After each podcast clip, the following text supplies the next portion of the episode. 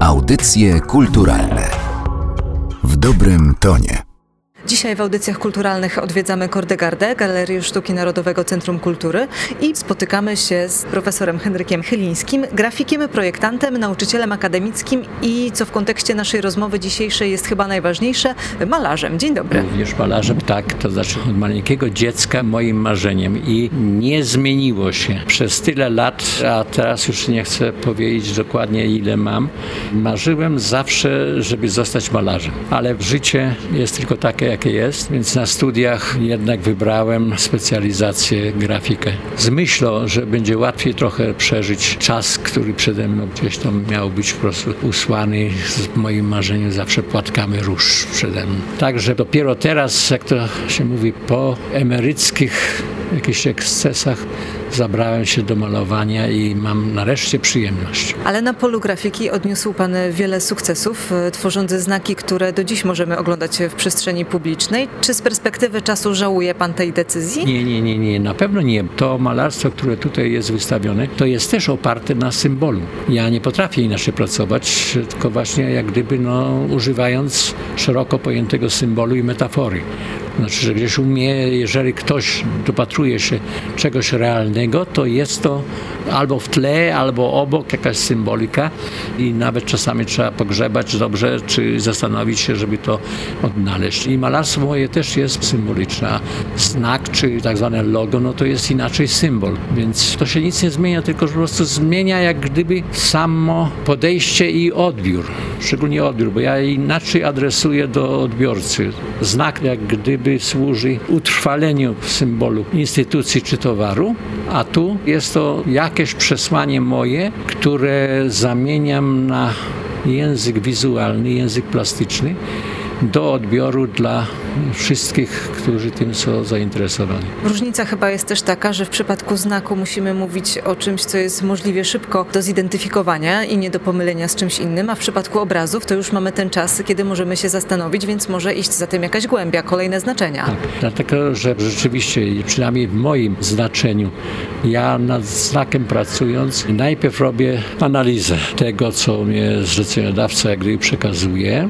Później myślę, co z tego pozostawić. Odrzucam wszystkie rzeczy, które są z innej bajki, z innego myślenia, pozostawiając jak maksymalnie to, co jest zasadnicze. Ja cieszę się wtedy, gdy pozostaje mi coś takiego, że to aż zaczyna boleć. To znaczy jest to jednoznaczne, bardzo precyzyjne, nie tylko w samym swoim działaniu, w formie, ale również i w odbiorze. Coś z tej mojej grafiki, coś z tego projektowania graficznego, czy mnie to się podoba, czy nie, nawet podświadomie stosuję. Prace, które możemy oglądać w Galerii Kordegarda, to nie są wszystkie Pana prace malarskie? Nie, bo dlatego, że tu właśnie był problem, bo ja mm, akurat tak się złożyło, że miałem jubileusz swojego lecia. I miałem zamiar zrobić w Warszawie taką retrospektywną, dużą wystawę, bo wiesz, ja, jak większość ludzi wie, i robię mi plakaty, i projekty znaczków, i wystawiennictwo, i przede wszystkim znaki, ale i również grafikę tak zwaną artystyczną. I ja mam tego towaru, jak gdyby podzielonego na te obszary, dużo. Ja chciałem po prostu no, mieć dużo salę wystawową, żebym mógł pokazać no, cały swój dorobek.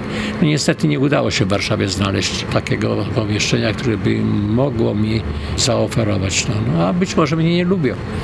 I w związku z tym tutaj to wspaniałe miejsce, bo to rzeczywiście Galeria Kordegarda to jest chyba najbardziej prestiżowa, najpiękniejsza, czy najbardziej, jak to się mówi, dobra galeria, bo nie tylko chodzi o miejsce, ale również i to, że ona ma swoje wnętrze, sama w sobie jest interesująca. Także jeżeli coś umiejętnie się tu zaaranżuje, to wystawa może mieć coś takiego, że widz wchodzi i może przeżywać, nie tylko odbierając obrazów, ale również i z otoczenia. I to się stało dlatego, że to wnętrze jest tak małe. Ja dlatego, że musiałem już te swoje malarstwo ograniczyć.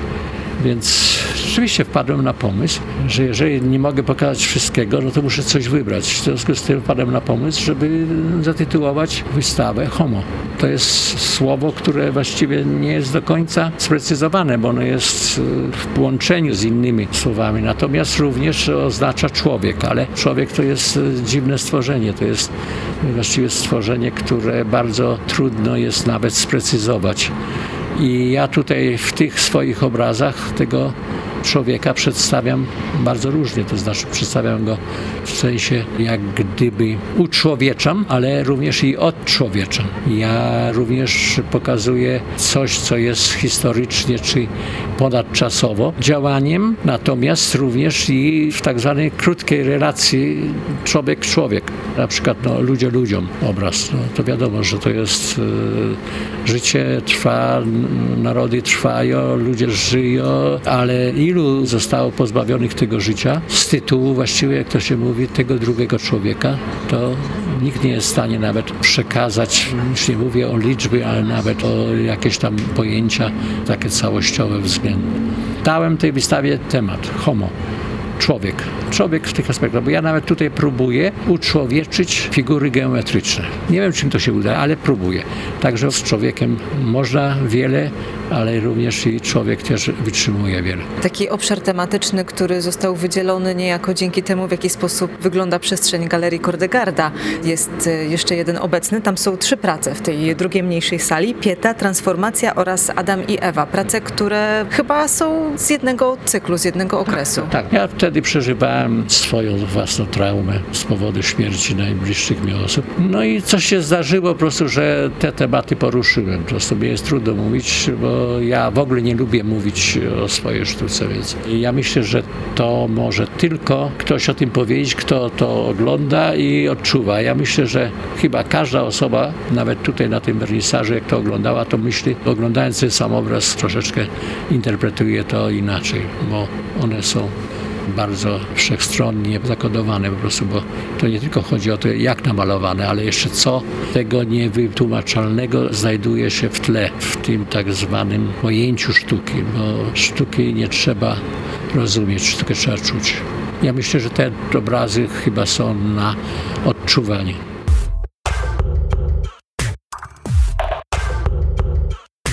Materiał przygotowała Magdalena Miszewska. Audycje kulturalne w dobrym tonie.